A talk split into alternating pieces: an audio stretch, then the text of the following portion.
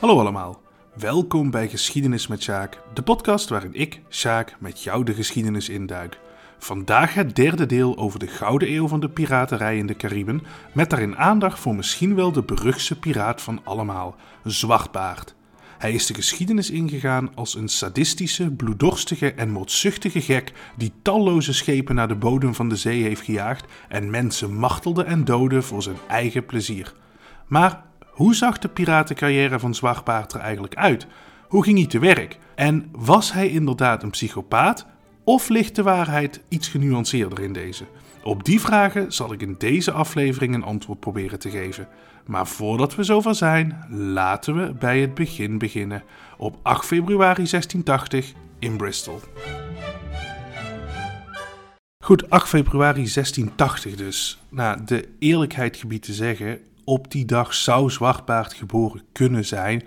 Maar in feite is dat een enigszins uit de lucht gegrepen datum. Die is namelijk soort van gebaseerd op een aantal documenten uit de tijd dat hij als piraat actief was. En daarin staat dat hij op dat moment tussen de 35 en 40 jaar oud was. Ja, en dat zou dus betekenen dat hij rond 1680 geboren zou moeten zijn. Het precieze jaartal weten we niet. En op welke dag zijn geboorte was, dat weten we dus al helemaal niet. En om heel eerlijk te zijn, ook zijn geboorteplaats staat eigenlijk allerminst vast. Het boek A General History of the Robberies and Murders of the Most Notorious Pirates, geschreven door kapitein Charles Johnson, dat was een pseudoniem, maar dat terzijde, en gepubliceerd in 1724, is eigenlijk de voornaamste bron voor de aanname dat Zwartbaard geboren is in Bristol en bij zijn geboorte de naam Edward Teach kreeg, of een variant van die achternaam omdat Johnsons boek zes jaar na Zwartbaards dood verschenen is en onderzoekers hebben geconcludeerd dat Johnson behoorlijk accuraat is over veel zaken, is het best een aannemelijke mogelijkheid.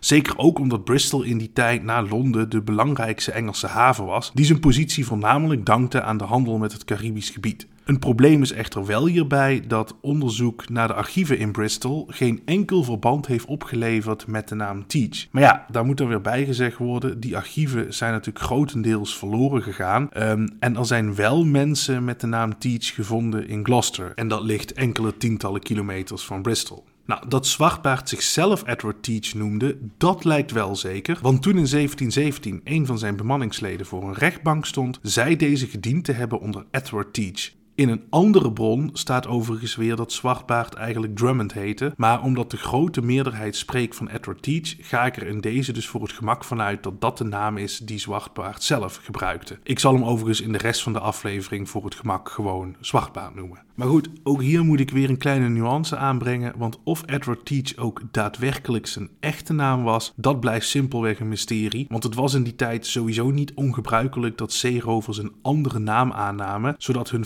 familieleden in hun thuisland of thuisstad geen last kregen van het feit dat zij al plunderend over de wereldzeeën voeren. Maar goed, hè, je weet het niet, wellicht dat er ooit nog documenten worden aangetroffen die Zwartbaards ware identiteit en afkomst zullen onthullen, maar ja, die kans daarop is helaas natuurlijk heel erg klein. Wel is het zo dat over het algemeen wordt aangenomen dat Zwartbaard, waar hij dan ook vandaan kwam, in elk geval van vrij goede komaf was. Het staat bijvoorbeeld vast dat hij kon lezen en schrijven, want na zijn dood werd er een brief op zijn lichaam gevonden die aan hem gericht was. Ik kom daar over een heel uh, tijdje nog op terug. Maar het lijkt dus aannemelijk dat de schrijver hiervan ervan uitging dat Zwartbaard die brief ook daadwerkelijk zou kunnen lezen. Nou, onderwijs krijgen was in die tijd meestal alleen weggelegd voor diegenen die uit families kwamen die enigszins welvarend waren. Het feit dat Zwartbaard daarnaast gedurende zijn leven ook vrij moeiteloos omging met mensen uit de hogere klasse van de samenleving uit de 18e eeuw. Denk dan aan politici, kooplieden, plantagehouders. En dat zou er dus op kunnen duiden dat hij hier ervaring mee had. Misschien dus omdat hij uit een familie met aanzien kwam. Nou goed, het is allemaal enigszins gissen natuurlijk. Uh, het feit overigens dat Zwartpaard in een relatief korte periode van nog geen twee jaar zichzelf kon neerzetten als de meest beruchte piraat aller tijden, dat duidt er, hoe je het ook wendt of keert natuurlijk, ook op dat hij geen domme man was. Nou, dit zijn eigenlijk al meteen wat zaken die Zwartbaard eigenlijk zo'n fascinerende figuur maken. Want hè, zoals ik al zei, hij is uiteindelijk eigenlijk maar twee jaar lang als kapitein actief geweest. En hij is ook in de verste verte niet de meest succesvolle of de meest machtige piraat aller tijden geweest. Iemand als Bartholomew Roberts bijvoorbeeld, die veroverde gedurende zijn carrière meer dan 400 schepen en nou, daar komt Zwartbaard gewoon niet eens bij in de buurt. En de Chinese piraten Cheng Yisao ik hoop dat ik de naam goed uitspreek, had een vloot bestaande uit 1800 schepen en 80.000 piraten onder haar bevel. Maar toch is het zo dat meer mensen Zwartbaard zullen kennen dan de twee piraten die ik hiervoor uh, noemde. Maar goed, hoe het ook mogen zijn, we weten dus eigenlijk helemaal niks over Zwartbaard zijn jeugd. En net zo min weten we wanneer hij precies de overtocht naar de nieuwe wereld heeft gemaakt. Maar je kunt aannemen dat dat ongetwijfeld ergens aan het begin van de 18e eeuw is geweest. Want we weten wel zeker dat hij tijdens de Spaanse successieoorlog, en die begon in 1701, op enkele kaperschepen heeft gediend. Hij is in die periode trouwens nooit ergens tot kapitein benoemd, maar wellicht heeft hij wel een andere officiersfunctie uitgeoefend. We weten het niet. Wat natuurlijk wel vaststaat, is dat hij in die periode heel ruime ervaring heeft opgedaan in de kaapvaart en zo ook het Caribisch gebied heel goed heeft leren kennen. Nou, zoals in de vorige aflevering verteld, diende Zwartbaard jarenlang onder Benjamin Hornigold. En die zou die loyaliteit in het najaar van 1716 belonen door Zwartbaard zijn eerste eigen schip te geven. Vanaf dat moment is Zwartbaard naar het schijnt ook zichzelf Zwartbaard gaan noemen en dat was natuurlijk logischerwijs een verwijzing naar zijn lange zwarte baard, die volgens sommige bronnen tot aan zijn ogen reikte en waarvan de uiteinden in kleine vlechtjes gedraaid waren. Daarnaast was hij naar het schijnt voor die tijd erg lang, wat natuurlijk bijdroeg aan zijn imposante verschijning. Maar wat boven alles opviel, dat waren zijn vurige ogen, die zowel zijn bemanning als diegene die hij gevangen nam angst aanjoegen. Of Zwartbaard er echt zo uit heeft gezien, ja, dat weten we eigenlijk simpelweg niet. De beschrijving die ik net gaf, eh, die komt uit het boek van Johnson uit 1724. Er is één andere bron van een kapitein die Zwartbaard ontmoet heeft toen uh, die zijn schip veroverd had. En die kapitein noemde natuurlijk de Zwarte Baard, maar omschreef Zwartbaard verder meer als een beetje een lange slungel. Nou, als je wilt kun je zelf oordelen. Op Instagram en Facebook heb ik een plaatje van hem uit 1726 uh, geplaatst. Nou, nadat Zwartbaard zijn eigen schip had gekregen, bleef hij in eerste instantie samenwerken met Hornigold. En zoals ik in de vorige aflevering al heb verteld, veroverden ze begin maart 1717 samen enkele schepen en haalden zo ongeveer 100.000 pond aan buit binnen. Dat was een gigantisch bedrag in die tijd en daarmee hadden ze hun namen definitief gevestigd. Even voor de volledigheid trouwens, vrijwel al die schepen die ze tijdens die tocht veroverd hebben, die werden vakkundig leeggemaakt, maar daarna ook zonder problemen uh, toegelaten om hun reis voor te zetten. Een van de schepen namen de piraten wel in bezit, maar in ruil daarvoor kreeg de kapitein van dat schip weer een van de schepen van Hornigold en Zwartbaard. Nou, ik heb in de vorige aflevering aandacht besteed aan hoe die tweede golf van piraterij in de Cariben begon en wat daar de oorzaken van waren. Uh, voor de volledigheid hier trouwens nogmaals, ik heb het dan over golven en fases wat betreft de piraterij. Maar dat zijn dus constructen die we achteraf hier opgelegd hebben en waarvan je de grenzen ook heel anders uh, kunt leggen dan uh, dat ik nu doe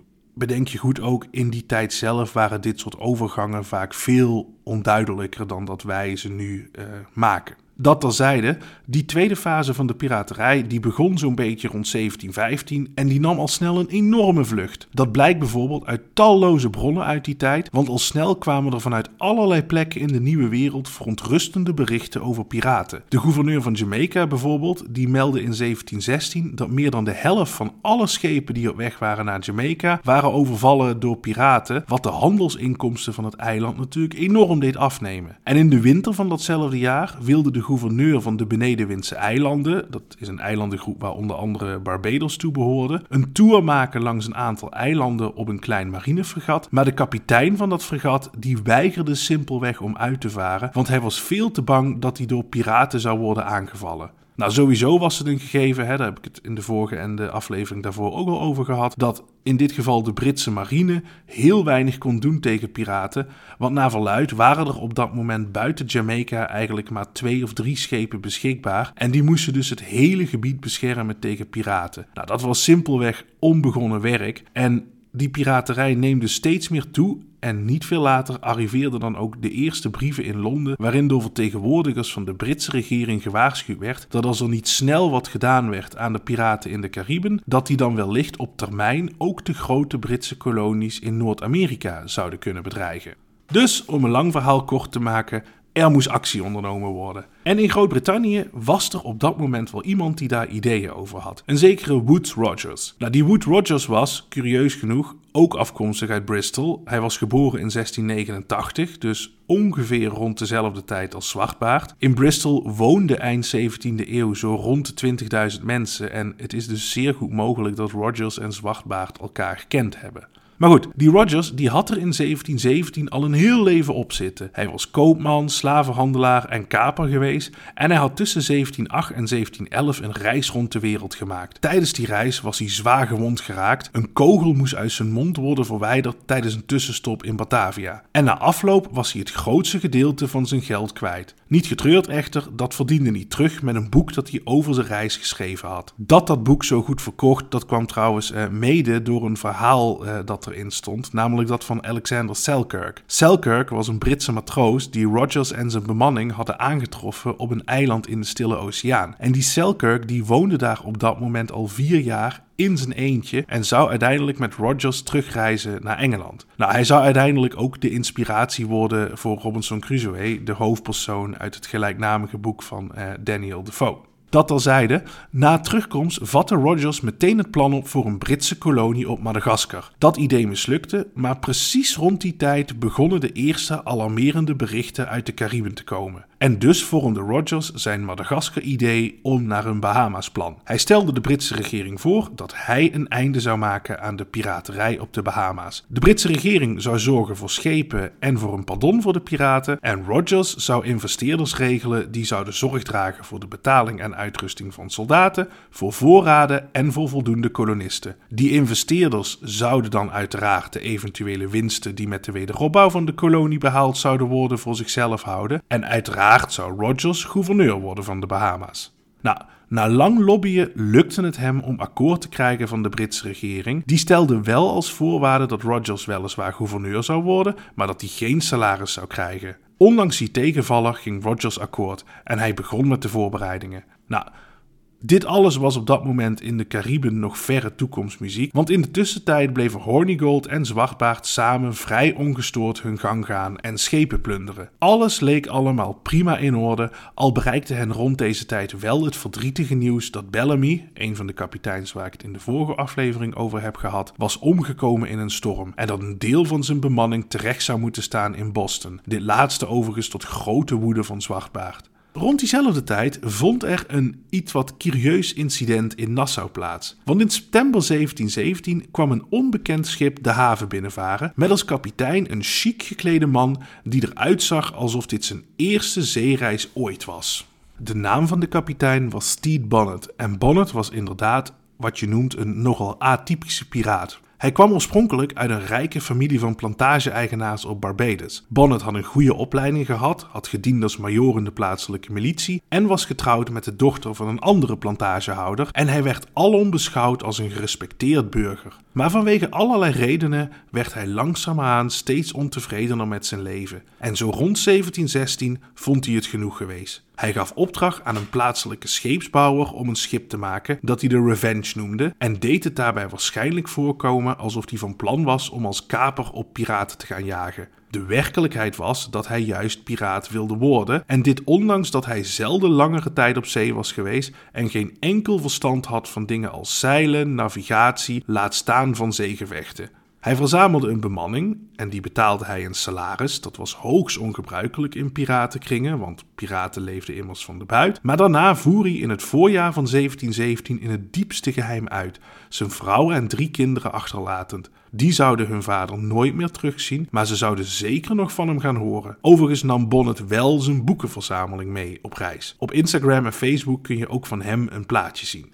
Bonnet die zette koers naar het noorden en veroverde daar al snel enkele schepen. Maar Laat er geen misverstand over bestaan, Bonnet was geen goede kapitein. Binnen enkele weken begon dan ook een deel van de bemanning te morren. Dat werd alleen maar erger toen Bonnet de fout maakte om een Spaans oorlogsschip aan te vallen. Waarom hij dat deed, ja dat weten we niet, maar de resultaten waren zoals je kunt verwachten. De Spanjaard schoot de Revenge binnen no time bijna naar de kelder en de helft van de bemanning, dat waren dus zo'n 40 mensen, die raakte gewond of sneuvelde. Bonnet zelf raakte ook zwaar gewond en daarop zette hij koers naar de Bahama's. Nou, waarom is is dit alles nou van belang? Dat komt eigenlijk omdat het verhaal van Bonnet dat zou verbonden raken met dat van Zwartbaard. Nou, op New Providence, hè, dat was het eiland van de Bahama's waar Nassau lag en waar de piraten verbleven, werd die nieuweling met een mengeling van spot en ontzag uh, ontvangen. Spot vanwege zijn achtergrond en vanwege zijn uh, kledingstijl, maar tegelijkertijd dus ontzag omdat het schip van Bonnet een uitstekend piratenschip leek te zijn. En dus stelde Hornigold, die op dat moment beschouwd werd als de leider van de piraten in Nassau,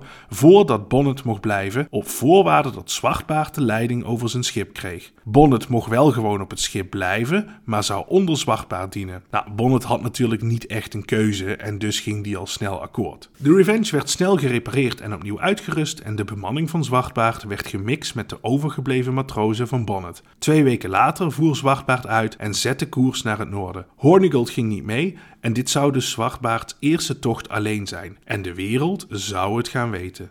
Zwartbaard kreeg onderweg al snel door dat Bonnet werkelijk geen jota verstand had van het leven op zee. Hij mocht zijn kapiteinshut op de Revenge houden, maar Bonnet vertoonde zich eigenlijk meestal nauwelijks aan dek. En als hij dat al deed, dan droeg hij vaak een ochtendjas en dan wandelde hij vaak al lezend heen en weer over het dek. Ja, in feite was hij natuurlijk meer een soort curieuze passagier, maar toch gaf Zwartbaard hem uiteindelijk wel weer het bevel over een van de schepen in zijn vloot, maar hij heeft hem wel de hele tijd strak in de gaten gehouden.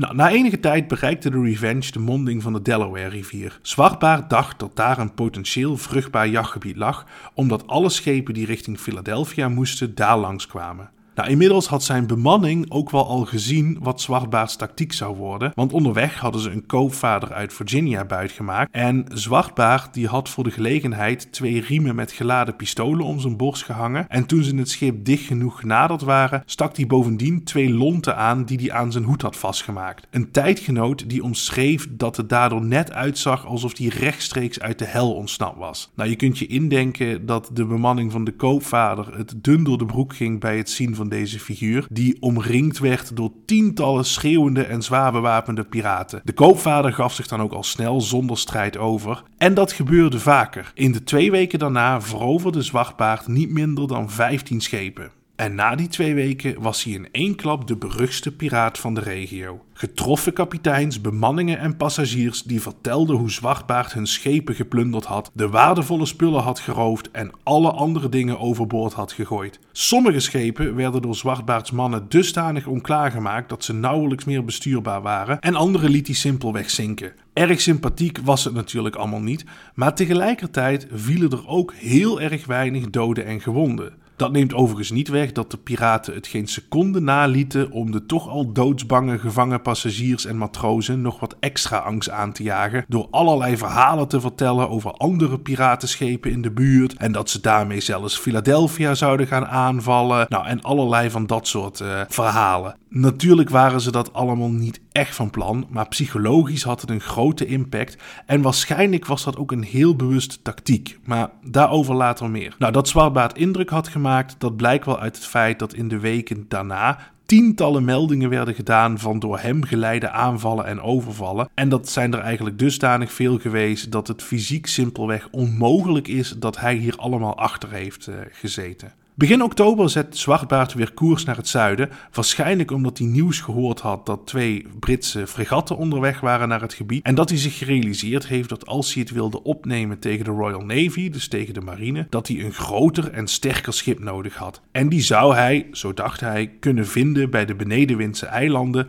want daar voeren schepen voorbij die vanuit Europa naar de Cariben voeren. En dat bleek inderdaad een juiste inschatting, want na enkele dagen kreeg Zwartbaard een uitstekend potentieel vlaggenschip in het vizier. En dat schip dat was La Concorde, een Frans schip dat gebruikt werd om tot slaafgemaakte naar de nieuwe wereld te vervoeren. La Concorde was snel, sterk, kon veel vracht vervoeren en er was plek voor ongeveer 40 kanonnen. En bovendien erg prettig voor Zwartbaard, het schip was na een reis van enkele maanden in zeer slechte staat. Het had meerdere stormen te verduren gehad en op het moment dat Zwartbaard de Fransman in zicht kreeg, waren 16 van de oorspronkelijke 75 bemanningsleden al overleden aan allerlei ziektes en nog eens 36 waren op dat moment ziek. En ook onder de tot slaafgemaakten in het ruim waren inmiddels vele tientallen doden gevallen. Het was overigens normaal tussen aanhalingstekens dat een deel van de tot slaafgemaakten zo'n overtocht niet overleefde, simpelweg omdat ze in afschuwelijke omstandigheden werden vastgehouden. Maar het dodental op La Concorde lag zelfs voor een slavenschip wel heel erg hoog. Kapitein Pierre Dosset van La Concorde had eigenlijk drie opties: vechten, bluffen of overgeven. Nou, vechten, dat was natuurlijk niet aan de orde, want daar had hij veel te weinig bemanningsleden voor. En daar kwam nog eens bij dat La Concorde op dat moment maar 16 kanonnen aan boord had, veel minder dan de 40 waar plek voor was. En dat was gedaan om meer ruimte te maken, zodat nog meer tot slaafgemaakte aan boord konden worden gebracht. Maar ja, Bluffen kon dus daarmee eigenlijk ook niet echt. Want als je 40 kanonnen kon uitrollen, dat zou nog indruk maken. Maar ja, 16, dat was natuurlijk niks. En dus bleef eigenlijk maar één optie over. Zwartbaard vuurde twee salvo's op het slavenschip af en vlak daarna gaf Dosset zich over. Het schip werd overgenomen en enkele kilometers verderop in een beschutte baai gerepareerd en klaargemaakt voor piratenwerk. Zwartbaard dwong tien bemanningsleden van La Concorde om dienst te nemen bij hem, onder andere de timmerman en de chirurgijn. En van de tot slaafgemaakte nam Zwartbaard er 61 van de 500 over, vermoedelijk om gedwongen arbeid te doen, al is het waarschijnlijk dat een groot deel van hen uiteindelijk als vrij bemanningslid voor Zwartbaard is gaan werken. Zwartbaards bemanning bestond voor een substantieel deel uit zwarte mensen of voormalige tot slaafgemaakte. En racisme lijkt aan boord eigenlijk geen issue te zijn geweest. Dat wil overigens zeker niet zeggen dat Zwartbaard een abolitionist of zo was. Verre van dat zelfs. Want Pierre Dosset, de kapitein van La Concorde, kreeg uiteindelijk het overgrote deel van de tot slaafgemaakte die hij aan boord had gehad gewoon terug van Zwartbaard. En omdat de Franse kapitein uiteindelijk ook nog eens een van de twee oorspronkelijke schepen van Zwartbaard kreeg als tegemoetkoming voor het verlies van La Concorde, heeft hij uiteindelijk een groot deel van de tot slaafgemaakte die hij vervoerde gewoon naar zijn bestemming kunnen brengen en daar kunnen verkopen. Nou, nadat Zwartbaard alle spullen had overgeheveld naar La Concorde, gaf hij het schip een nieuwe naam, de Queen Anne's Revenge. En met dat nieuwe vlaggenschip begon hij aan een zeer succesvolle plundertocht rondom de bovenwindse eilanden. Niet alleen veroverde hij talloze schepen, hij viel ook op zeer spectaculaire wijze de haven van de Franse kolonie Guadeloupe binnen. Nou, zoals ik al zei, dat ging er echt spectaculair aan toe, want Zwartbaard voer eigenlijk vanuit niets de haven in, zaaide paniek door talloze kanonsalvo's af te vuren en wist in de verwarring die ontstond ook nog eens een groot Frans handelsschip dat helemaal volgeladen was met suiker te veroveren. Terwijl hij wegvoer, schoot hij het stadje bij de haven in brand door gloeiende kogels af te vuren. Een paar weken later ondernam hij een soortgelijke aanval op de Britse kolonie Sint-Christopher. Nou, Zwartbaard kon bij dit alles eigenlijk vrij ongehinderd zijn gang gaan, want in het gebied lagen twee Britse marineschepen, maar die waren relatief klein en bovendien heel slecht uitgerust. Een van die marineschepen is Zwartbaard wel toevallig enkele weken later tegengekomen op volle zee. Het betrof zoals gezegd een relatief klein fregat en de verleiding bij Zwartbaard en zijn bemanning was dan ook heel groot om aan te vallen, want met de Queen Anne's Revenge was Zwartbaard op papier zeker niet te minderen. Nou, uiteindelijk werd toch besloten om dat niet te doen en dat is eigenlijk volledig in lijn met hoe piraten zich gedroegen destijds en nou ja, eigenlijk in alle tijden. Want het beeld bestaat natuurlijk van epische kanongevechten waarbij die piraten de strijd aangingen met grote marineschepen, maar dat is gewoon onzin, want zo'n aanval zou een enorm risico betekenen en zou waarschijnlijk aan tientallen piraten leven kosten. Piraten gaven veel liever de voorkeur aan relatief kleine, snelle schepen waarmee ze trage handelsschepen konden verrassen en grote, logge marineschepen konden ontwijken. Dat is natuurlijk ook gewoon heel erg logisch, want ja, waarom zou je je leven wagen in een zeegevecht als het ook mogelijk was om zonder strijd kleinere schepen in te nemen en op die manier bakken met geld te verdienen? Wat overigens wel nog curieus aan dit verhaal is, is dat de kapitein van dat marineschip Zwartbaard in eerste instantie helemaal niet herkend heeft. Hij dacht dat hij in de verte twee slavenschepen zag en nou ja, dat was dat. Pas enige tijd later ontdekte hij hoe de vork daadwerkelijk in de steel zat. Nou, toen werd natuurlijk meteen de achtervolging ingezet, waarbij ook uh, het andere marineschip in de regio werd opgeroepen. Dat was de HMS Scarborough. En in de weerwar van bronnen hierover is vervolgens het verhaal ontstaan dat de Scarborough uiteindelijk Zwartbaard onderschept heeft en dat er een urenlang durend gevecht ontstaan is dat uiteindelijk in een gelijkspel geëindigd is. Het is echt een van de spannendste episodes uit het verhaal van Zwartbaard. Enige probleem hiermee, het heeft nooit plaatsgevonden. Want uitgebreid onderzoek naar de scheepjournaals, naar brieven en naar allerlei andere bronnen heeft uitgewezen dat de Scarborough eigenlijk überhaupt nooit in de buurt van Zwartpaard is geweest.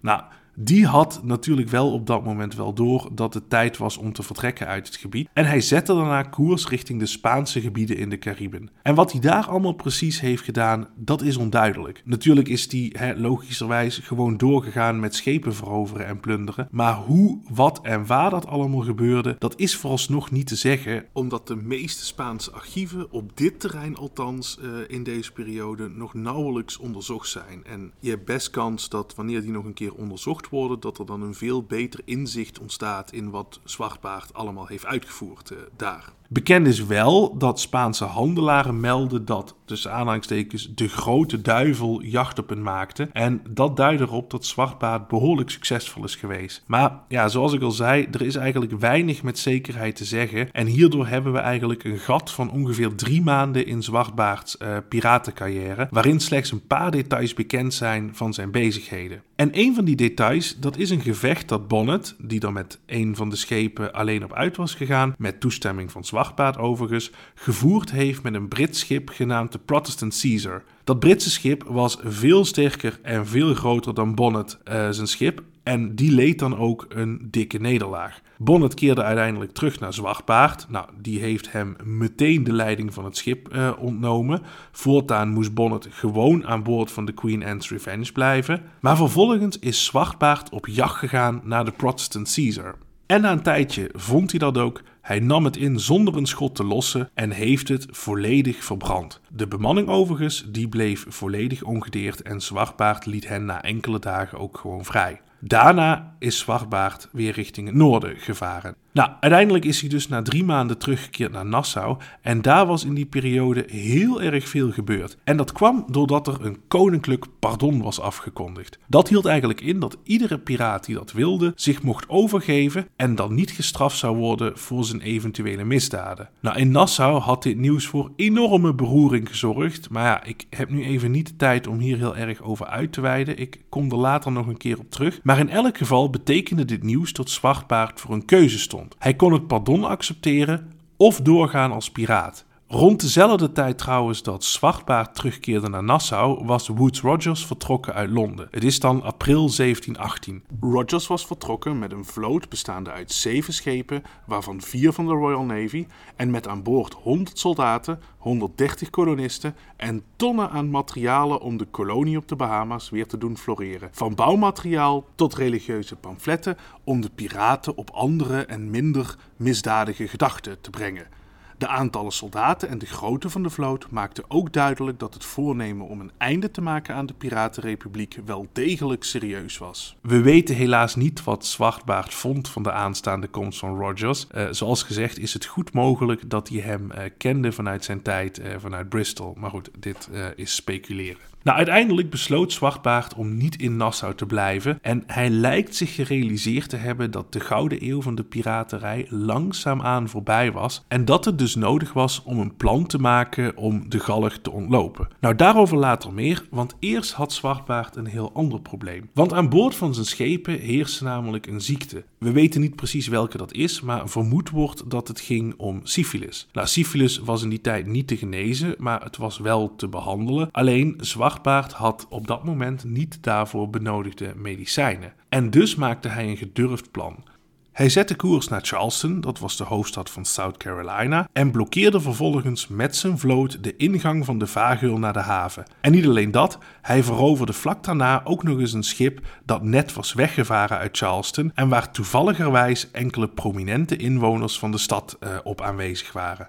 Zwartbaard die gijzelde de gevangenen en liet meteen bericht uitgaan naar de stad dat hij iedereen zou doden en de hele stad in de fik zou zetten, tenzij er binnen een bepaalde termijn medicijnen zouden worden geleverd. Zwartbaard vroeg overigens alleen om medicijnen, niet om goud of andere rijkdommen en dat zegt eigenlijk wel iets natuurlijk over hoe nijpend de situatie aan boord op dat moment blijkbaar was. Die gijzelaars die werden heel goed bang gemaakt, maar in feite werd er geen haar op hun hoofd gekrenkt, zelfs niet toen de door Zwartbaard gestelde deadline werd overschreden. Het probleem was namelijk het kleine scheepje dat Zwartbaard naar Charleston had gestuurd om de medicijnen op te halen. Dat was gekapseist en daardoor moesten de drie gezanten, dat waren twee piraten en één uh, van de gegijzelden, die moesten de bijna 17 kilometer lange tocht grotendeels zwemmend en lopend afleggen. En om het nog wat erger te maken, na aankomst in Charleston waren de twee piraten linea recta de kroeg ingedoken en die hadden zichzelf compleet dronken gezopen. Nou, Zwartbaard die werd uiteindelijk zo ongeduldig dat hij met de Queen Anne's Revenge de haven is binnengevaren en gedreigd heeft om het hele stadje aan puin te schieten. Al snel ontdekte hij ter plekke wat de ware reden van de vertraging was en werd hem daarnaast duidelijk gemaakt dat de gouverneur al lang en breed akkoord was gegaan met zijn eisen. En nadat hij de medicijnen heeft ontvangen, is hij dan ook gewoon weer vertrokken. De totale buit van deze actie, die wordt geschat op ongeveer 4000 pond. En nou ja, dat is natuurlijk eigenlijk niet eens de moeite. En waarom hij niet meer geëist heeft dan alleen de medicijnen, dat blijft eigenlijk uh, onduidelijk. Zwartbaards blokkade van uh, Charleston is uh, ook een van de beroemdste verhalen uit zijn carrière en heeft enorm bijgedragen aan uh, zijn beruchtheid. Omdat hij dus in zijn eentje een hele stad wist lam te leggen. Zoals gezegd, Zwartbaard die had inmiddels besloten om te gaan stoppen, maar hij had dit nog niet met zijn bemanning gedeeld. En dat was hij ook niet van plan, want Zwartbaard had namelijk helemaal geen zin om de buit te gaan delen met ongeveer 400 anderen. En wellicht speelt hierin mee dat een deel van de bemanning een paar weken daarvoor uh, nogal een beetje lastig had gedaan toen drankvoorraad bijna op was. En in elk geval wilde Zwartbaard Steve Bonnet zo snel mogelijk kwijtraken. Nou, degene die trouw aan hem waren geweest, die lichtte Zwartbaard uiteindelijk wel in over zijn plan. En dat was eigenlijk heel erg simpel. Om te beginnen zette de kleine vloot koers naar een gebied in het huidige North Carolina. Tegenwoordig heet dat uh, Beaufort Inlet. Dat was een moerassig gebied met talloze kreekjes en waterwegen en bood daardoor ruim voldoende bescherming en beschutting tegen pottenkijkers. Het was wel een nogal verraderlijk gebied vanwege de ondiepte en zandbanken, dus voorzichtig navigeren was noodzakelijk. Zwartbaard liet daarom eerst de kleinere schepen het gebied invaren en volgde daarna met de Queen Anne's Revenge. En al snel ging het helemaal mis. De eerste zandbank die ontweek hij nog vakkundig, maar dat lukte niet met een volgende en het schip kwam compleet vast te zitten. Geprobeerd werd om het los te wrikken, maar dat lukte niet. Sterker nog, het ging nog verder mis, want de Queen Anne's Revenge kwam op zijn kant te liggen, water stroomde door de geschutspoorten naar binnen en het schip was verloren. Een gruwelijk ongeluk, zo leek het. Behalve dan dat het dat absoluut niet was, want Zwartbaard had zijn vlaggenschip bewust op deze manier laten zinken. Hij had de Queen Anne's Revenge niet meer nodig. De bemanning van het vlaggenschip werd verdeeld over de overgebleven twee schepen, waarna Zwartbaard het tweede deel van zijn plan in werking stelde. Hij benoemde Bonnet opnieuw tot kapitein van een van de schepen en stuurde die weg om een pardon van een Britse gouverneur te regelen, zodat ieders misdaden uitgewist waren. Maar nadat Bonnet vertrokken was, keerde Zwartbaard met zo'n 100 getrouwen zich tegen de rest van de bemanning. Ze namen het overgebleven schip in en voeren weg naar Bath, de hoofdstad van North Carolina. De rest van de bemanning liet Zwartbaard simpelweg achter in de moerassen van Beaufort Inlet. Nou, die gouverneur van North Carolina, dat was een zekere Charles Eden. En die resideerde dus, zoals gezegd, in een plaatsje genaamd Bath. En dat was het administratieve centrum van de kolonie North Carolina. Uh, daar moet je je verder niks bij voorstellen. North Carolina was een arm en dun bevolkt gebied. En in Bath woonden op dat moment niet meer dan een paar honderd mensen. Zwartbaard kreeg dan ook al snel een audiëntie hij legde zijn plan voor aan de gouverneur en het duurde niet lang voordat ze tot een deal kwamen. Die zag er als volgt uit. Uh, Zwartbaard en zijn mannen die kregen een pardon. Die zouden zich vervolgens vestigen in Baat. Officieel zouden ze zich daar als eerzame burgers gaan gedragen. Maar in werkelijkheid mochten ze gewoon doorgaan met schepen plunderen. Met name die uit het naastgelegen en veel rijkere Virginia. Gouverneur Eden die zou hem juridisch uit de wind houden. En de buitgemaakte goederen verkopen. Waarbij hij zelf natuurlijk ook een deel van de opbrengst zou krijgen. Zo had de gouverneur zelf ook flink wat aan de deal. In Bad trouwens, daar schijnt Zwartbaard getrouwd te zijn met een 16-jarig meisje uit het dorp. En dat was volgens sommige bronnen op dat moment zijn veertiende huwelijk. En tijdens de huwelijksnacht dwong hij naar het schijnt zijn bruid om seks te hebben met vijf of zes leden van zijn bemanning. Het hele verhaal is echt enorm gruwelijk, maar de meeste onderzoekers die zijn het erover eens dat het waarschijnlijk verzonnen is, omdat het natuurlijk prachtig paste in het beeld van Zwartbaard als psychopaat. Er zijn überhaupt geen aanwijzingen overigens dat Zwartbaard zo vaak getrouwd is. En het verkrachten van een jong meisje, dat past eigenlijk helemaal niet bij de manier waarop hij bijvoorbeeld op zee met gevangenen omging. We kunnen alleen maar hopen voor dat arme meisje dat dit verhaal inderdaad een uh, verzinsel is. Maar goed, Zwartbaard die had met de deal met Eden in één klap een geweldige uitvalsbasis geregeld voor zichzelf. Maar ja, hij moest wel nog aan de bak, want het was niet zo dat hij op dat moment al kon gaan rentenieren. En dus ging hij weer naar zee en pakte zijn oude leventje weer op. Zijn schip herdoopte hij in de Adventure en de gouverneur die dekte hem zoals gezegd. En dat deed hij door simpelweg bij elk door Zwartbaard veroverd schip te verklaren dat hij die schepen wettelijk gezien terecht had ingenomen. Nou, om even te illustreren hoe zoiets dan uh, in zijn werk ging. Uh, Zwartbaard die veroverde bijvoorbeeld op een gegeven moment een Franse koopvader. En die was behoorlijk zwaar beladen met onder andere suiker. Nou, dat schip nam die mee naar Baat en hij meldde dan aan de gouverneur dat hij dat schip ergens ronddolend op zee had gevonden, verlaten door de bemanning en dat hij dus het nobele gedaan had en het schip maar had meegenomen. Dit was natuurlijk een leugen, hè, dat spreekt voor zich. Maar gouverneur Eden die verklaarde vervolgens dat Zwartbaard inderdaad de waarheid sprak. Toevallig ontving de gouverneur dan later ook een paar zakken suiker van het Franse schip, die hij dan zelf mocht verkopen. Oh, en uh, de gouverneur bepaalde ook dat de Franse koopvader wel verbrand moest worden. Want ja, dat schip lag nu in de haven van Bath, maar dat was eigenlijk veel te groot voor de haven uh, in Bath. En uh, ja, dus moest het maar vernietigd worden. En nou ja, jammer maar helaas. Daarmee werd natuurlijk ook alle fysieke bewijs van een eventuele daad van piraterij verwoest. Kortom, Zwartbaard had het op dat moment dus prima voor elkaar. Maar wat hij niet wist, dat op dat moment anderen bezig waren om uh, zijn val voor te bereiden. Want de gouverneur van Virginia, die heette Alexander Spotswood, die was al maandenlang plannen aan het maken om Zwartbaard te pakken. En dat wilde hij heel erg graag, omdat Zwartbaard een bedreiging vormde voor de handel van Virginia en daarnaast ook nog eens heel veel anderen inspireerde om ook aan piraterij te gaan doen. En bij dit alles speelt overigens ook een persoonlijk motief, want dat was dat Spotswood het in Virginia op dat moment bepaald niet makkelijk had. Hij werd door verschillende burgers beschuldigd van corruptie en machtsmisbruik. En het ding was, daar zat best iets in. Spotswood had bijvoorbeeld via allerlei schimmige constructies zichzelf een stuk land ter grootte van 32.000 hectare uh, cadeau gedaan. En dat gebied uh, dat bestaat overigens nog steeds en dat staat tegenwoordig bekend als Spotsylvania. Maar er was dus al door vooraanstaande burgers van Virginia een brief naar Londen gestuurd met het verzoek uh, om een andere gouverneur aan te stellen. En Spotswood die hoopte eigenlijk de aandacht af te leiden en zijn imago in Londen te verbeteren door de meest beruchte piraat van dat moment uh, te pakken. En omdat hij en alleen hij met de eer wilde strijken,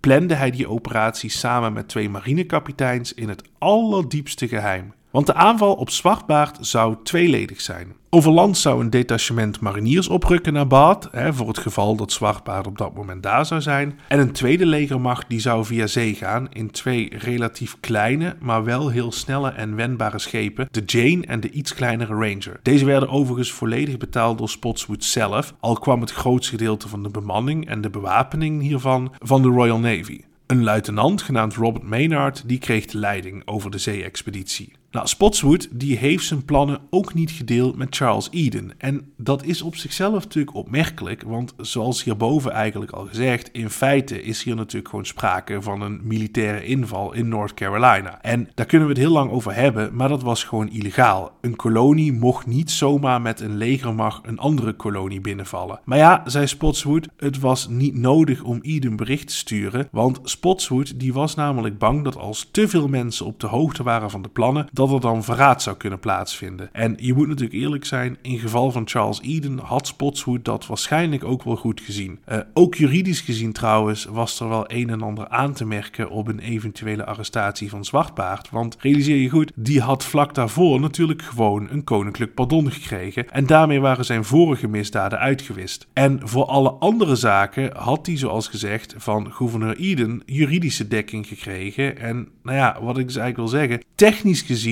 was Zwartbaard op dat moment eigenlijk gewoon een keurige burger die niks meer op zijn uh, spreekwoordelijke kerfstok had staan. Maar goed, Hoe het ook mogen zijn, die twee schepen die Zwartbaard vanaf zee moesten aanvallen, die zijn uiteindelijk in november 1718 vertrokken. En in totaal bevonden er zich zo'n 60 man aan boord. Opmerkelijk genoeg hadden ze geen kanonnen bij zich, want snelheid werd belangrijker geacht dan uh, een zware bewapening. En om Zwartbaard te pakken te krijgen, zouden ze hem dus gewoon moeten verrassen. Het uh, gedeelte dat over land ging, dat bereikte uiteindelijk na zes dagen Baat. Gouverneur Eden die werd ter plekke meteen van zijn bed gelicht, maar die ontkende natuurlijk alles. En Zwartbaard die bleek niet in Bath te zijn. En dat klopt ook, want die bevond zich op dat moment namelijk bij Ocracoke Inlet. Ik hoop dat ik het goed uh, uitspreek. En dat was een kleine toegangskreek die de zee verbond met het achterliggende gebied, dat een wirwar van kleine kreken, riviertjes en zandbanken was. Zwartbaard had hier een tijdelijke basis gebouwd op het eiland uh, Ocracoke en verdeelde zijn tijd tussen Bath en dat eiland. Hij was overigens van plan geweest om snel weer naar Bath te gaan, ook omdat hij even daarvoor een brief had gekregen van een van de hoogste ambtenaren van Eden dat hij snel moest komen omdat er belangrijk nieuws was. Nou, je kunt je wel voorstellen, al eeuwenlang wordt gespeculeerd door historici wat dat nieuws nou was. En volgens sommigen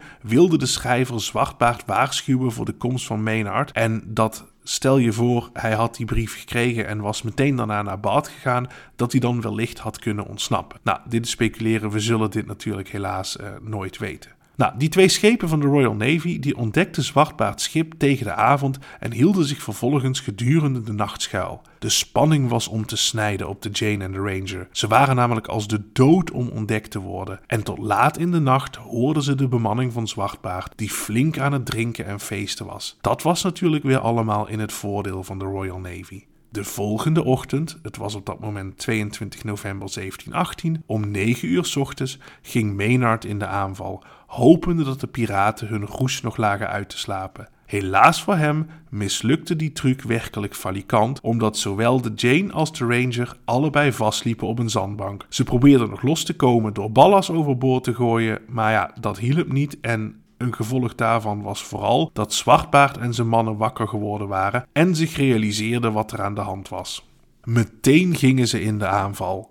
En terwijl Zwartbaard zijn zeilen hees, kwam de Ranger los van de zandbank. De Ranger en de Adventure voeren recht op elkaar af. En zo gauw het kon, gaf Zwartbaard het bevel om te vuren. Kanonnen en musketkogels richtten een ware slachting aan op het dek van de Ranger. Die had zoals gezegd zelf geen kanonnen, dus ze kon zelf eigenlijk nauwelijks iets terugdoen buiten wat musketschoten. Die musketschoten worden uiteindelijk wel nog belangrijk, uh, maar op dat moment uh, leek het daar helemaal niet op. De Ranger die leek namelijk gewoon uitgeschakeld. En dus bleef de Jane nog over dat was het schip waar Maynard zich op bevond en de Jane was inmiddels ook weer losgekomen van de zandbank. Het zag er slecht uit voor Maynard, maar hij had eigenlijk zonder het te weten een onbetaalbaar beetje geluk gehad. Want zoals ik net al zei, de matrozen op de Ranger die hadden eigenlijk nauwelijks kunnen terugschieten op de Adventure met hun musketten, maar een van de weinige kogels die afgeschoten was, die had wel een touw doorgesneden, waardoor de voorzeilen van Zwartbaard's schip niet meer optimaal hingen. En daardoor moest de Adventure flink aan snelheid inboeten. Als dat niet gebeurd was, dan is de kans groot dat Zwartbaard simpelweg had kunnen ontsnappen naar de open zee. Maar doordat hij nu een stuk langzamer ging, kreeg Maynard de kans om hem te onderscheppen.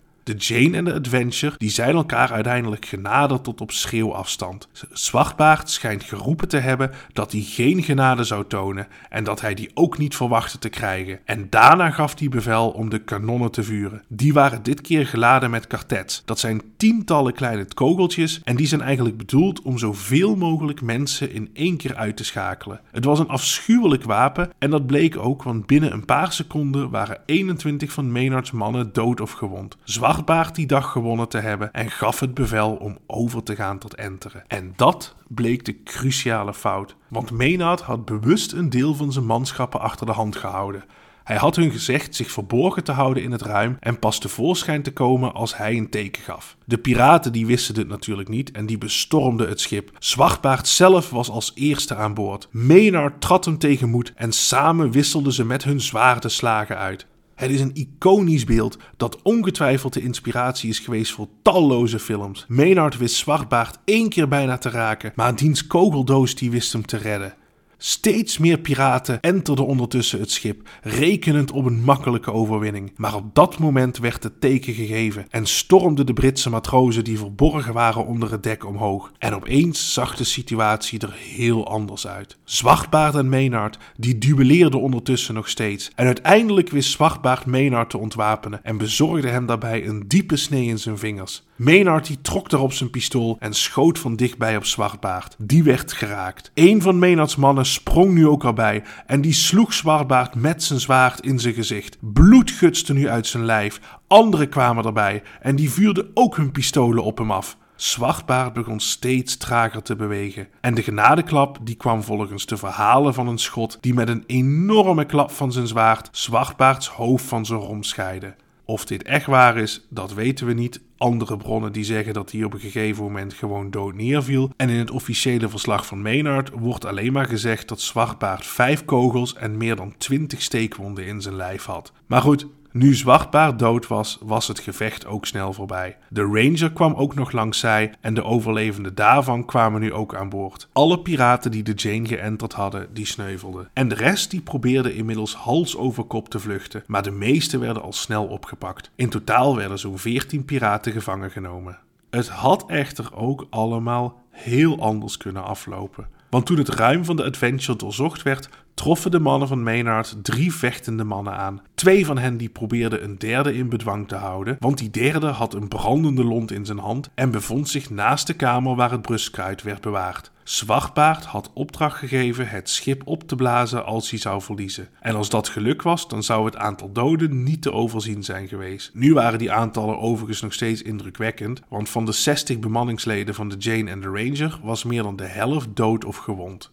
Qua rijkdommen viel de opbrengst van de hele expeditie trouwens behoorlijk tegen. De buit kwam in totaal neer op zo'n 2000 pond. Dat was natuurlijk niet verkeerd, maar ja, ook geen enorme vetpot. Als Zwartbaard al een rijk man was geweest, dan had hij zijn kostbaarheden uh, in elk geval elders verborgen. Nog steeds is dit een vraag die schattenjagers bezighoudt, al lijkt de meest logische conclusie hier dat Zwartbaard simpelweg niet superveel rijkdommen had op het moment dat hij stierf. Maar goed, na enkele dagen zette Maynard weer koers naar Virginia. Zwartbaards hoofd werd als een trofee meegenomen en gehangen aan de boegschiet van de Jane. Volgens de legende overigens werd de rest van zijn lichaam overboord gegooid en het uh, hoofdeloze lichaam heeft naar het schijnt nog een paar rondjes om het schip gezwommen voordat het uiteindelijk uh, gezonken is. Nog jaren na Zwartbaards dood ging overigens een spookverhaal rond dat de geest van Zwartbaard nog steeds ronddolt over de aarde op zoek naar zijn afgehakte hoofd omdat hij bang is dat de duivel hem niet zou herkennen wanneer die zonder hoofd zou aankomen in de hel. Dat hoofd is overigens uiteindelijk door gouverneur Spotswood uh, op een grote paal naast de rivier geplaatst als een waarschuwing voor anderen. De gevangen genomen bemanningsleden van Zwartbaard die werden op twee na allemaal geëxecuteerd en die twee die werden eigenlijk alleen gered omdat bericht uit Londen kwam dat het koninklijk pardon tijdelijk verlengd was. En tegelijkertijd ontstond er op de achtergrond een juridisch gevecht om de opbrengst. Want zoals gezegd, die viel sowieso al wel enigszins tegen en uiteindelijk werd de buit over een veel grotere groep verdeeld dan degene die betrokken waren geweest bij de daadwerkelijke gevechten met Zwartbaard. En daardoor kwam het er in praktijk op neer dat een matroos die gevochten had op de Jane of the Ranger hier precies 1 pond per persoon aan overhield. Wat betreft de andere betrokkenen, uh, luitenant Maynard die werd in eerste instantie beschouwd als de grote held die Zwartbaard gedood had, maar die zou eigenlijk al heel snel weer van zijn voetstuk vallen. Dat kwam ten eerste omdat hij zijn eigen rol in het verslag van de actie wel heel erg groot had gemaakt, en ten tweede omdat ontdekt werd dat hij een deel van de buit, zo'n 90 pond, die gevonden was op Zwartbaards schip, voor zichzelf had gehouden. Hij bleef bij de marine, maar hij zou pas 21 jaar later promotie krijgen. Wat betreft gouverneur Eden, die werd weliswaar vrijgesproken van medeplichtigheid bij Zwartbaard, maar ja, zijn reputatie had natuurlijk onherstelbare schade opgelopen. Hij is uiteindelijk een paar jaar later in 1722 overleden aan gele koorts. En gouverneur Spotswood diens hele plan om zijn reputatie op te krikken met het uitschakelen van Zwartpaard, dat is uiteindelijk gewoon mislukt, want hij werd afgezet als gouverneur. Daarna heeft hij zich teruggetrokken op zijn enorme landgoed, maar toen in 1740 de Oostenrijkse successieoorlog uitbrak, toen heeft hij de leiding gekregen over een detachement soldaten, maar voordat ze konden uitrukken is hij uh, uiteindelijk overleden. Nou, en Zwartpaard zelf dan, ja, die was natuurlijk dood, maar zijn naam die zou nog eeuwenlang beroemd en berucht blijven. Het iconische beeld van de psychopaat met de brandende lonten in zijn haar, die voor de lol mensen afmaakte en zijn veertiende vrouw tijdens de huwelijksnacht liet verkrachten door zijn bemanning, is nog heel erg lang blijven bestaan. Tegenwoordig is het echter zo dat steeds meer onderzoekers de laatste jaren tot de conclusie zijn gekomen dat dat beeld waarschijnlijk gewoon simpelweg niet klopt. Het is voor een belangrijk deel gebaseerd op A General History of the Robberies and of the Most Notorious Pirates. En hoewel daarin, zoals gezegd, heel veel correcte dingen staan, wordt tegenwoordig over het algemeen ook wel aangenomen dat veel van de verhalen over Zwartbaard uh, nogal overdreven zijn. De feiten vertellen namelijk een ander verhaal. Uh, zo is er bijvoorbeeld geen enkele bron die melding maakt van een door Zwartbaard gepleegde moord. Wel is er in A General History of the Robberies and Murders of the Most Notorious Pirates een verhaal waarbij Zwartbaard een van zijn eigen bemanningsleden neerschiet. En dan zegt hij dat hij dit af en toe eens moet doen, want uh, anders uh, zouden de bemanningsleden vergeten wie hij eigenlijk was. Maar ja, of dit verhaal natuurlijk echt gebeurd is, dat valt ten eerste natuurlijk niet te achterhalen. En de eerlijkheid gebiedt ook wel te zeggen dat het eigenlijk niet echt goed voorstelbaar is dat hij uh, jarenlang kapitein zou zijn van een schip als hij stelselmatig zijn eigen bemanning zou neerschieten. Dat lijkt simpelweg niet logisch en ook niet in lijn te zijn met hoe piratenschepen in deze periode meestal functioneerden. En hier komt nog eens bij dat er talloze verslagen zijn van mensen die matroos of passagier op of kapitein van een schip waren dat door Zwartbaard werd veroverd. En uit die verslagen blijkt eigenlijk dat Zwartbaard over het algemeen heel hoffelijk omging met gevangenen. Denk bijvoorbeeld ook maar aan die gegijzelden in Charleston. Uh, dit gedrag liet hij ook in andere situaties zien. En ook tegenover andere kapiteins misdroeg hij zich eigenlijk zelden. Ja, dat wil natuurlijk niet zeggen dat hij nooit een schip verbrandde of een schip liet zinken, maar het kwam regelmatig voor dat hij een veroverd schip uh, ruilde tegen een van zijn eigen schepen of dat een kapitein zijn schip gewoon terugkreeg nadat Zwartbaard het leeg had gehaald. Even, ik wil hier zeker niet zeggen dat Zwartbaard een verkeerd begrepen lievertje was. Hè? Verre van dat. Uh, denk bijvoorbeeld maar aan het uh, in brand schieten van Guadeloupe, uh, bijvoorbeeld, wat ik heb genoemd. Maar het lijkt er wel sterk op dat hij vooral heel erg goed wist hoe hij zijn imago moest opbouwen. Hij lijkt bewust een soort beeld van zichzelf te hebben gecreëerd van een totaal gestoorde idioot die over lijken ging en die geen enkel probleem had met een dode meer of minder. En hè, met zijn gordel van pistolen en de brandende lonten in zijn haar lukte het hem dan ook nog eens om fysiek zo'n imago aan te meten. En door dit zorgvuldig opgebouwde imago hadden koopvaardijschepen natuurlijk bij voorbaat meestal helemaal geen zin om te vechten. Wat het piratenwerk natuurlijk een stuk makkelijker maakte. En Hierbij past ook dat hij vriendelijk was tegen gevangen genomen uh, bemanningen, passagiers en kapiteins. Want hij wilde heel nadrukkelijk de boodschap geven: geef je je over, dan kom je er levend vanaf. Doe je dat niet, dan ben ik die gestoorde psychopaat die jullie allemaal denken uh, dat ik ben. En hierbij past ook de manier waarop uh, zijn manschappen tegen gevangenen praten. Hè? Gewoon bluffen over steden die ze nog zouden plunderen, dat ze iedereen zouden gaan doodschieten, hè? dat soort dingetjes. En dat maakte op de brave burgers en trouwe zeelieden waarschijnlijk een verpletterende indruk en ze werden er logischerwijs doodsbang van en vertelden die verhalen later als ze thuis kwamen dan natuurlijk weer door. Sommige historici zien in de manier waarop Zwartbaard omging uh, met de Protestant Caesar, hè, dat uh, schip dat een gevecht had gewonnen van Bonnet, uh, daarin zien zij een verder bewijs dat Zwartbaard vooral heel druk was met zijn imago. Want toen hij dit verhaal gehoord had, toen zette hij meteen de achtervolging op dit schip in. Hij heeft het veroverd, hij heeft het verbrand en dat deed hij, zo stelden die historici, omdat hij niet wilde dat bekend werd dat een koopvader een van Zwartbaards schepen had verslagen en dat die koopvader daar ook nog eens mee weggekomen was. Dan zou Zwartbaard zwak lijken en dat zou afbreuk doen aan zijn imago. Zoals verteld overigens, ook in dit geval heeft Zwartbaard de bemanningsleden van de Protestant Caesar uiteindelijk gewoon vrijgelaten. Maar goed, Ondanks alles leeft het imago van de gestoorde, bloeddorstige gek tot op de dag van vandaag door. Neem bijvoorbeeld hè, een uh, film als Pirates of the Caribbean on Stranger Tide. Daarin speelt Zwartbaard ook een rol en wordt daarin neergezet als de psychopaat die we allemaal kennen uit de verhalen. Van de andere kant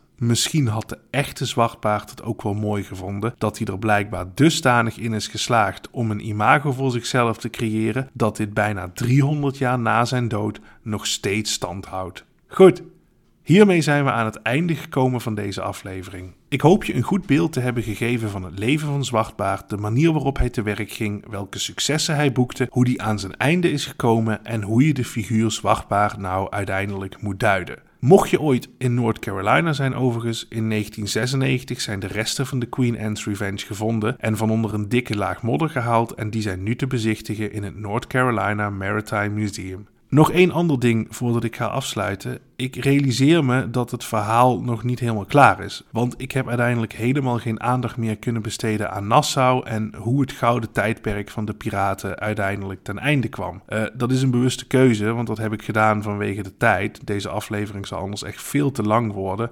Maar ja, het is natuurlijk toch zonde als er losse eindjes zijn. En daarom zal er nog een extra aflevering volgen. Waarin ik nog kort even zal vertellen hoe het uiteindelijk afliep met het Piratenrijk op Nassau. Woods Rogers, Steve Bonnet, Benjamin Hornigold en allerlei andere figuren uh, die in deze en vorige afleveringen aan bod zijn gekomen. Maar goed, dat is dus iets voor een volgende keer. Mocht je intussen meer over dit onderwerp willen weten, ik heb voor deze aflevering uh, wederom heel veel gehad aan The Republic of Pirates van Charles Woodard. En daarnaast heb ik gebruik gemaakt van Blackbeard, The Hunt for the World's Most Notorious Pirate van Craig Cabell, Graham E. Thomas en Alan Richards. Goed, daarmee zijn we aan het einde gekomen van deze aflevering. Heel veel dank voor het luisteren en vond je dit een leuke aflevering? Vergeet dan niet je te abonneren. Daarnaast kun je me dus ook volgen op Instagram en Facebook. Mocht je vragen of opmerkingen hebben of heb je zelf een suggestie voor een onderwerp, dan kun je me via die weg een DM sturen of een mailtje sturen naar geschiedenismetsjaak.outlook.com. Gewoon aan elkaar geschreven geschiedenismetsjaak.outlook.com. Voor nu, nogmaals dank voor het luisteren en tot een volgende keer.